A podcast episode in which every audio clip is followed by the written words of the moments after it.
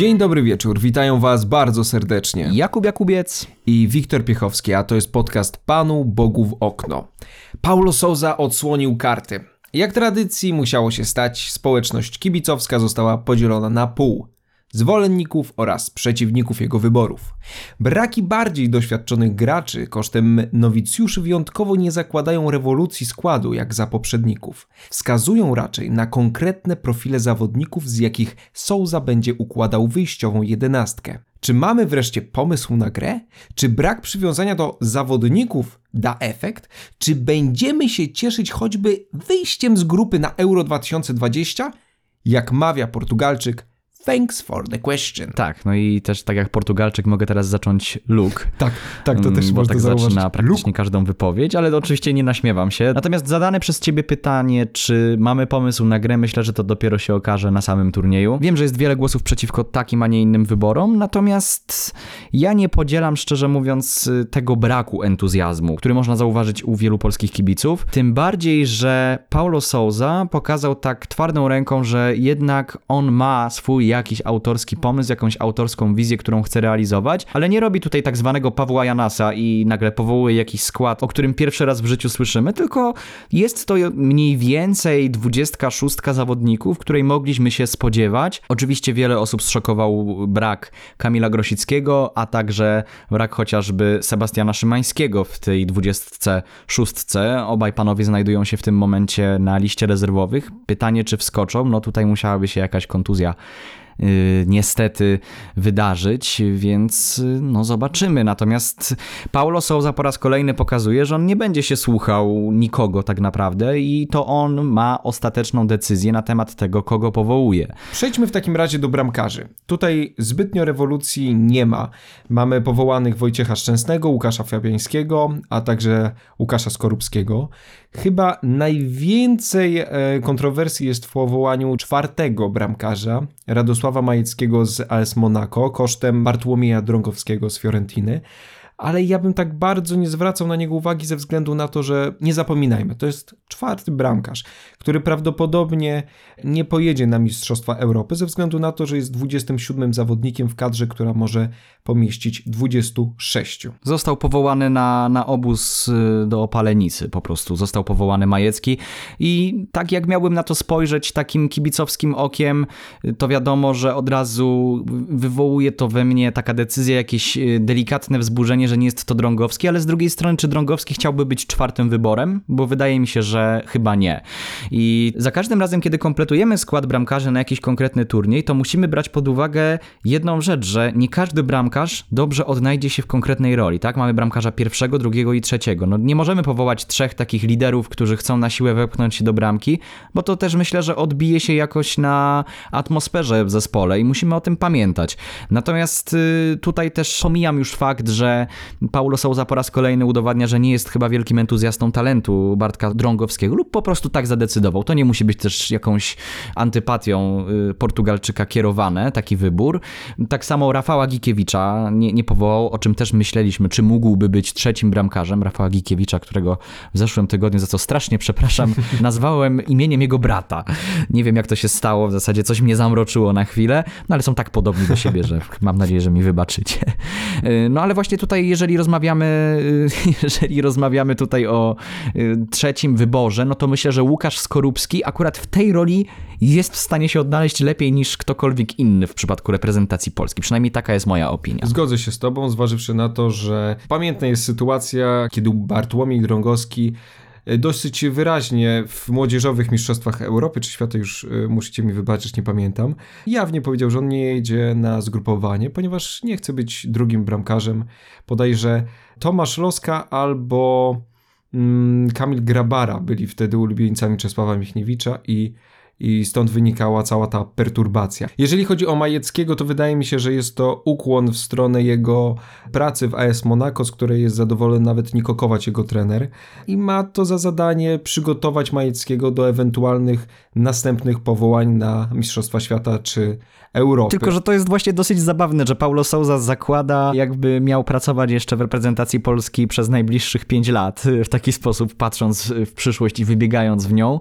To jest myślę dosyć pozytywne zabawna rzecz, natomiast brzmi to trochę kuriozalnie, gdy pomyślimy sobie o potencjalnej klapie, jaka może nas czekać na Euro 2020. Oczywiście nie wróżę tej klapy, ale gdyby ona się wydarzyła, to mm, takie powoływanie Majeckiego, żeby mu się przyjrzeć, że to będzie opcja przyszłościowa, będzie wyglądało dość śmiesznie. No, ja, ja bym nie był aż takim pesymistą. Mi się wydaje, że właśnie to jego długofalowe spojrzenie może nam się tutaj przydać i też brak jakichś bliższych koneksji z zawodnikami, co mieliśmy przy Nawałce i tak samo przy Brzęczku.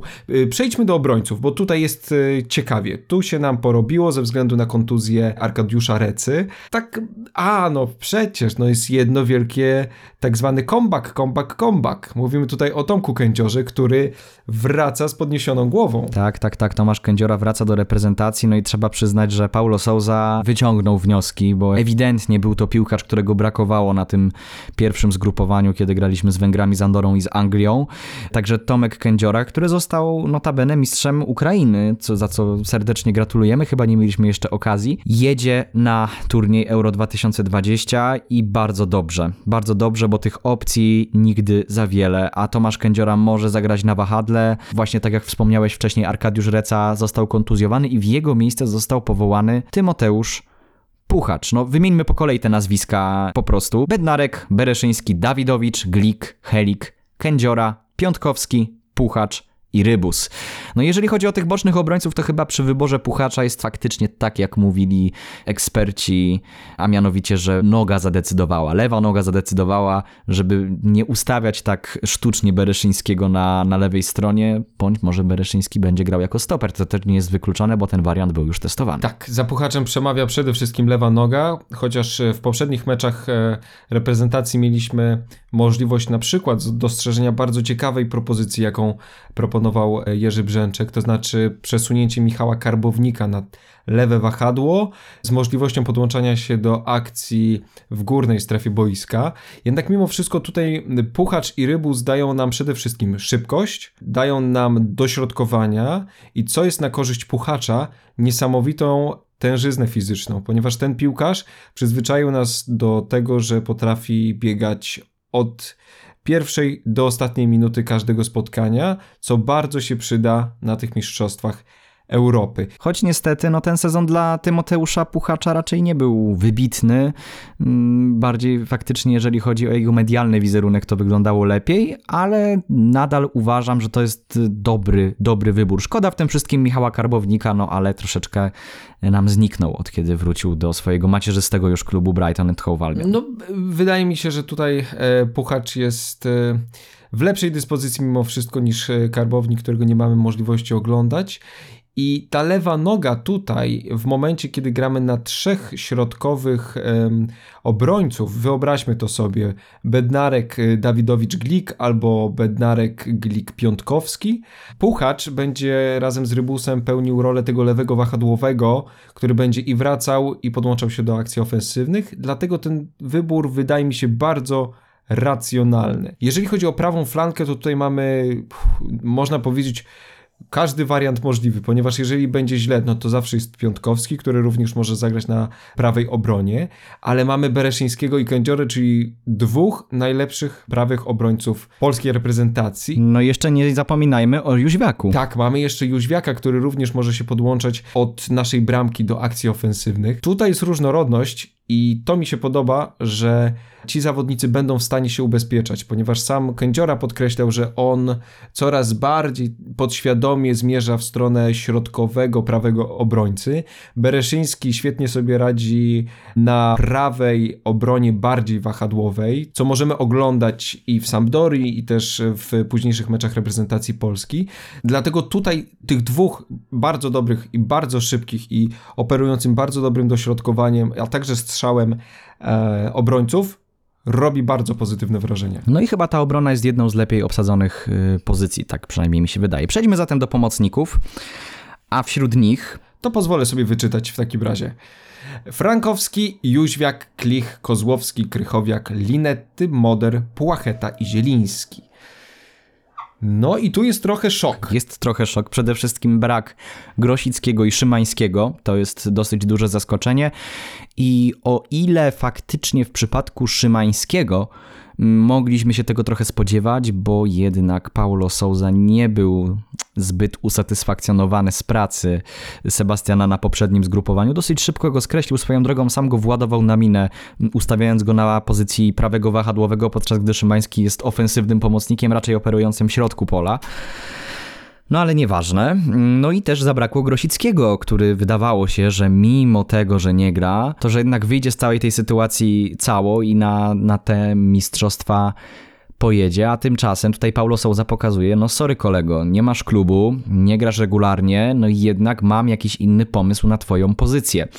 Tutaj głosy tego sprzeciwu dały o sobie znać wśród wielu kibiców, wśród y, także wielu ekspertów. Tylko jak ty uważasz, Wiktorze, czy Kamil Grosicki to jest naprawdę osoba, o którą aż tak warto głośno awanturować się w mediach społecznościowych i, i w ogóle jako kibice? Czy to jest osoba, która była nam niezbędna w tym momencie, na tym etapie jego kariery dla reprezentacji? Okej, okay. uh, thanks for the question. A teraz konkretnie, Kamil Grosicki nie powinien jechać na Euro 2020, ponieważ nie gra. Koniec. Miał możliwość zmiany klubu. Miał jak najbardziej i było bardzo wiele klubów, które oferowały mu tę pomoc. Nawet Legia Warszawa, która dosyć wyraźnie mówiła o zainteresowaniu tym zawodnikiem, ale Tomasz Frankowski bardzo ładnie powiedział, że nie dziwi go brak powołania i Kamil Grosicki również nie ma co obwiniać Paulo Souzy o jego brak, ze względu na to, że nawet nie można powiedzieć, że Grosicki grał źle. Można powiedzieć jedno, Grosicki w ogóle nie grał. I Grał tylko w rezerwach West Bromwich Albion i to jest tyle. Dokładnie tak, z zawodnikami, którzy mają 19, 20, 21 lat, no to, to nie robi wrażenia na reprezentanta Polski. No umówmy się szczerze, to jest zawodnik 33-letni, który już najlepsze lata gry ma za sobą, ma świetne turbo, ale nie oszukujmy się, to już chyba trzeba podjąć decyzję. Grosicki podjął, że nie idzie na te e, Euro 2020 już dawno temu. Natomiast jeżeli chodzi o te kontrowersyjne ruchy w pomocy, to jest fakt powołania Przemysława Frankowskiego i Przemysława Płachety, także dwóch Przemków tutaj jest w tym składzie, a nie ma Kamila Ogrosickiego i trzeba przyznać, że jednak ani jeden, ani drugi gentleman nie są wcale w jakiejś dużo, dużo lepszej pozycji w swoich klubach, aniżeli doświadczony już na poziomie reprezentacyjnym Kamil Grosicki. Dlatego też te głosy sprzeciwu są tak głośne, że zostało powołanych w jego miejsce dwóch piłkarzy, którzy również w swoich zespołach nie odnajdują miejsca w składzie. Tu też Bartosza Kapustki nie powołał na przykład Paulo Souza, a powołał właśnie Frankowskiego, który wystąpił chyba w pięciu tylko meczach o większą stawkę w tym sezonie? Rozumiem, rozumiem jak najbardziej to, co mówisz e, i mnie akurat jako ogromnego kibica e, Bartosza Kapustki trochę smuci brak jego powołania, ale zwróćmy uwagę na jedną rzecz. Frankowski jest prawym pomocnikiem, który posiada lewą nogę. Jest szybkim zawodnikiem, który przeważnie operuje na skrzydle. Płacheta jest lewonożnym zawodnikiem, również skrzydłowym, który e, operuje świetną lewą nogą, a do tego operuje niesamowitym przyspieszeniem. To jest dwóch zawodników, którzy są w stanie dać e, bodziec do zaatakowania. Płacheta i Frankowski są cały czas w trybie treningu, w trybie pracy z pierwszym zespołem. Cały czas są w wyjściowych osiemnastkach albo jedenastkach, w mniejszym czy większym czasowym odstępie. Jednak Grosicki absolutnie nie zasługuje na to powołanie, ponieważ on nie rozegrał całego roku.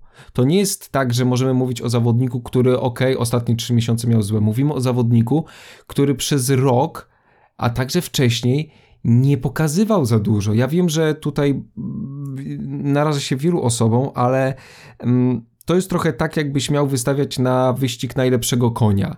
I wystawiasz aktualnie tego, który jest w dobrej dyspozycji. Nie wystawiasz tego, który dwa lata temu zrobił show, to może teraz zrobi show. Nie, ponieważ większe prawdopodobieństwo jest wygranej w momencie, jak masz zawodnika, konia czy cokolwiek innego w trybie pracy, przyzwyczajonego do ciągłych treningów. Tylko wiesz, tutaj się do końca z tobą też nie zgodzę, bo jeżeli mówimy o powoływaniu Ka Kamila Grosickiego, to tutaj jak najbardziej zgoda, tak? Yy, to jest, myślę, to, to pozostawiamy bez dyskusji. Powoływanie go ze względu na yy, przysłowiowe robienie atmosfery, co było bardzo gorącym tematem, gdzie Peszko, Sławomir Peszko został tak powołany i, i było dużo śmiechu w związku z tym. Atmosferić, tak go później przezywano. Natomiast w kwestii tego, z czym się z tobą nie zgadzam, to jest fakt, że ani Frankowski, ani Płacheta w tym momencie to nie są piłkarze w szczycie swojej formy, to są piłkarze, którzy przegrywają swoją walkę w klubach i mimo wszystko są też takimi rezerwowymi, więc tylko w takich kategoriach chyba możemy ich rozpatrywać, jeżeli chodzi o reprezentację. W ogóle jeżeli chodzi o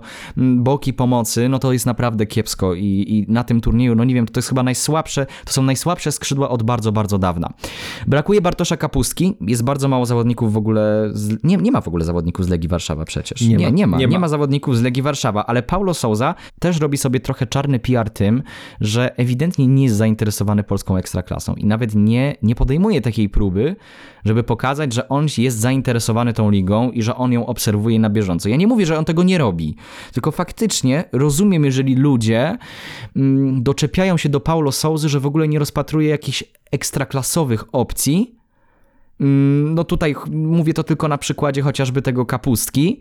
No bo po prostu nie jeździ na mecze, przyjechał do Polski tylko po to, żeby się zaszczepić tak naprawdę. I, i, i jeżeli jest jakaś rzecz, co do której ja też mogę mieć wątpliwości mm, odnośnie Paulo Souzy na posadzie selekcjonera, to to jest właśnie to, że nawet nie zadbał o to, żeby przyjrzeć się jednak bliżej jeszcze zawodnikom z polskiej ligi, bo kto wie, może by wyłowił tam kogoś, kto byłby w o wiele lepszym rytmie meczowym niż powołani Frankowski i Płacheta. Być może tak. Ja bym jeszcze wrócił na sekundę do Grosickiego, bo Grosicki e, przyzwyczaił nas do tego, że jest postacią pierwszoplanową w reprezentacji.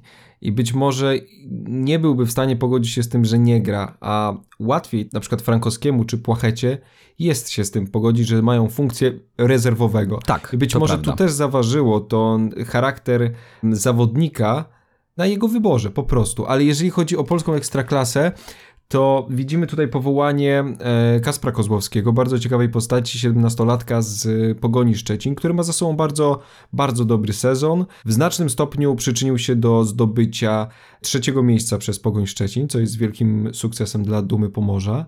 I jest to bardzo ciekawy zawodnik, który już e, dał nam się we znaki w e, ostatnim spotkaniu z Andorą, gdzie dosyć e, bezpardonowo, tak to można określić, wszedł na boisko, wypracował jedną z bramek, tą, która została zaliczona Karolowi Świderskiemu. Tak. I to jest bardzo ciekawa postać. W ogóle patrząc na linię pomocy, wydaje mi się, że będziemy grali trzema, jak nie dwoma środkowymi pomocnikami. Mówimy tu o Moderze i Krychowiaku. No tu jest akurat z kolei urodzaj, tak? W przeciwieństwie do skrzydeł, wahadeł. No dobra, wahadła tam jakieś jeszcze tam zostaną ułożone, natomiast jeżeli chodzi o takich rasowych skrzydłowych, to jest bardzo ubogo, to środek pola wygląda bardzo dobrze, trzeba przyznać. Tak, mamy powrót Karola Linettego, który coraz lepiej radzi sobie w Torino. Chociaż nadal nie najlepiej. Tutaj zabawię się w adwokata diabła. Nadal nie najlepiej, ale cała drużyna Torino raczej e, walczyła o utrzymanie niż e, cokolwiek więcej. Mamy Modera, który sobie coraz lepiej radzi w Brighton.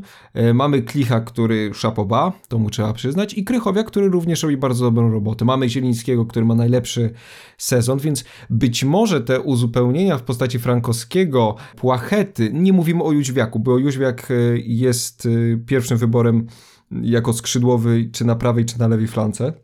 Ale właśnie Frankowski i Płacheta to są te szybkie uzupełnienia, wydaje mi się, i dla Puchacza, i dla Rybusa, i dla Kędziory, i dla Bereszyńskiego. No przy założeniu, że mamy mieć pięć zmian, no to faktycznie może któryś z nich będzie w stanie pociągnąć grę do przodu, jeżeli będziemy gonili wynik na przykład. Dokładnie tak. Y, Środek pomocy wygląda obiecująco, dlatego przejdźmy do napastników. No tak, no i tutaj niestety obiegła świat bardzo smutna wiadomość o kontuzji Krzysztofa Piątka. Myślę, że to jest bardzo, bardzo, bardzo zła informacja dla nas, polskich kibiców, bo jednak Krzysztof Piątek no, prezentuje poziom zdecydowanie wyższy niż napastnicy powołani w jego miejsce. Oczywiście nie- absolutnie nie ujmując y, powołanym Kownackiemu, Świderskiemu czy Świerczokowi, no to jednak Krzysztof Piątek był tym numerem 3 zaraz po Lewandowskim i Miliku i co do tego nie było żadnych wątpliwości. No i też Paulo Souza zarzekał się, że on będzie próbował tego ustawienia z trójką napastników. No na to też może wskazywać fakt, że powołuje piątkę napastników do tej szerokiej kadry, także mm, myślę, że będzie na pewno z tym wariantem kombinował. Porozmawiajmy może szerzej na temat napastników. Wiemy, że nie będzie już piątka, mamy Milika, który strzelił hat-tricka w ostatnim spotkaniu Olympic Marsylia, także ogromne gratulacje. Mamy Lewandowskiego, który właśnie wyrównał rekord Gerda Millera. To, to wydaje mi się chwila braw. Sw swoją drogą to jest tak kuriozalne, jak ja słyszę opinię jednego z niemieckich chyba dziennikarzy Tak. y, na temat tego, że Lewandowski powinien zostać posadzony na ławce albo samowolnie odmówić strzelania bramek teraz, żeby, żeby tylko nie pobić tego rekordu, że w ten sposób by coś udowodnił. Nie, naprawdę, to jest... Śmieszne. Łapie się za Po głowę. prostu śmieszne. No nie, nie, nie mogę, bo mnie to osłabia. Po prostu to jest sport, ludzie Zgodzę kochani. się z tobą, bo dla mnie to jest coś okropnego. Po prostu. Odbierać komuś jego tytuł bez przesady. Nie róbmy sobie jaj, brzydko mówiąc. Nie róbmy sobie jaj. Lewandowski mam nadzieję, że w ostatnim meczu sezonu Pyknie brameczkę. e, ustrzeli jedną, a nawet może dwie brameczki i to jest chyba najlepszy hołd dla Gerda Millera, że właśnie teraz dzięki Lewandowskiemu jego rekord jest tak wspominany, a nie, y, że Lewandowski nagle przestaje strzelać, bo to, no...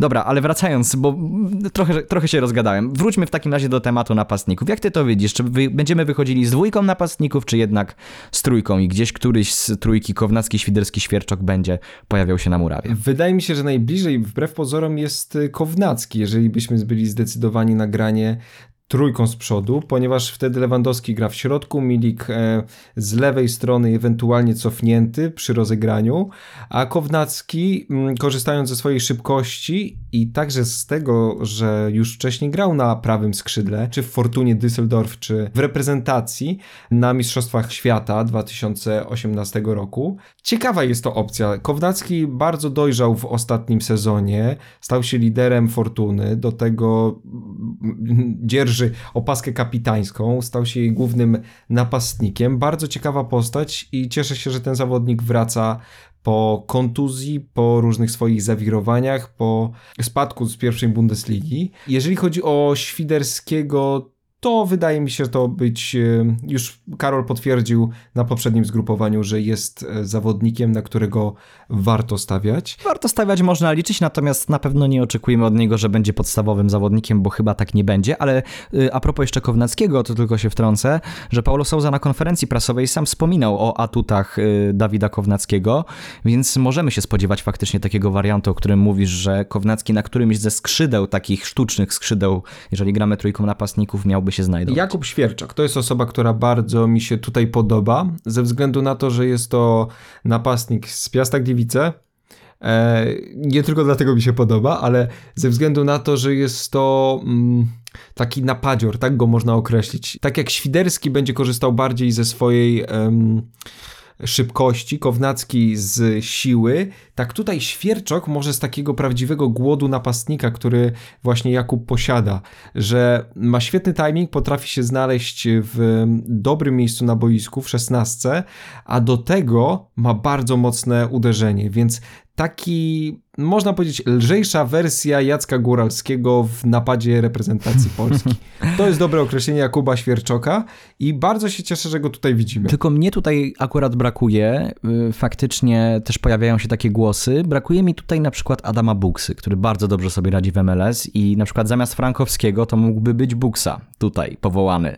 Y, No, no chyba się mm, pod tym względem tutaj Paulo Souza naraził wielu, wielu kibicom, bo jeżeli właśnie idziemy w te opcje MLS, no to chyba raczej Buksa albo Kacper Przybyłko, a nie właśnie Przemysław Frankowski. No ale to ile ludzi, tyle Pytanie opinii. jest, y, jakich zawodników potrzebuje Souza, bo zauważ, Frankowski jednak wspomoże pomocników, Buksa jednak by, byłby zależny od ich pomocy, więc y, Frankowski tutaj, ja będę tutaj bronił tych wyborów, bo mi się wydaje, że tak jak patrzymy personalnie, już dochodząc do podsumowania, mm, ta kadra ma dwóch zawodników na każdą pozycję, jak nie trzech. I to mi się podoba, że jest tu pomysł na konkretny sposób grania, gdzie ewentualnie jak wypada um, Jóźwiak, wchodzi Frankowski, jak wypada Bereszyński, wchodzi Kędziora, jak wypada Kownacki, wchodzi Świderski, że mamy zawodników, którzy potrafią wejść na podobny poziom jak ich poprzednicy i mimo wszystko, mimo całej nagonki teraz na Souzę,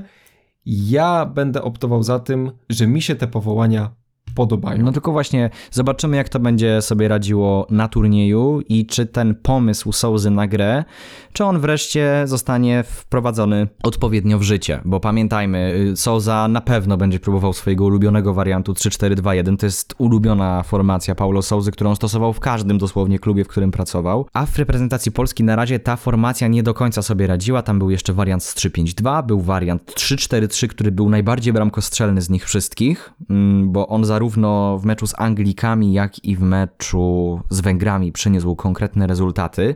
Także myślę, że to jest taka formacja, w której moglibyśmy się spodziewać na wypadek jakiejś kryzysowej sytuacji i to działało bardzo dobrze. No i ci piłkarze faktycznie jakoś tym profilem się wpasowują w to potencjalne mm, ustawienie, którym może nasza reprezentacja wychodzić. Także no życzymy wszystkiego najlepszego. Za niedługo pierwszy mecz yy, i myślę, że możemy chyba zaprosić Was niebawem, bo to już miało o wiele, wiele wcześniej wyjść. Materiał na temat Paulo Souzy, jego kariery mm, piłkarskiej i trenerskiej. W końcu chyba będziemy mogli to wypuścić, bo jednak trochę nas technikalia zatrzymały i to już w ramach pierwszych powołań miało być wydane. Także serdecznie Was zapraszamy. Damy oczywiście znać, jak te filmy zostaną przez nas wydane. No, a reprezentacji Polski, tak jak wspomniałem wcześniej, kibicujemy. Jeżeli podobał Wam się ten odcinek, to zostawcie proszę subskrypcję i łapkę w górę. To naprawdę bardzo nas motywuje i bardzo się cieszymy za każdym razem, kiedy y, czegoś nam przybywa. Mm, Mam nadzieję, że słyszymy się już niebawem, prawdopodobnie jeszcze w tym tygodniu, bo mamy pomysł na dodatkowy odcinek dla Was. A byli z Wami Wiktor Piechowski. i Jakub Jakubiec, a to był podcast Panu Bogu w okno.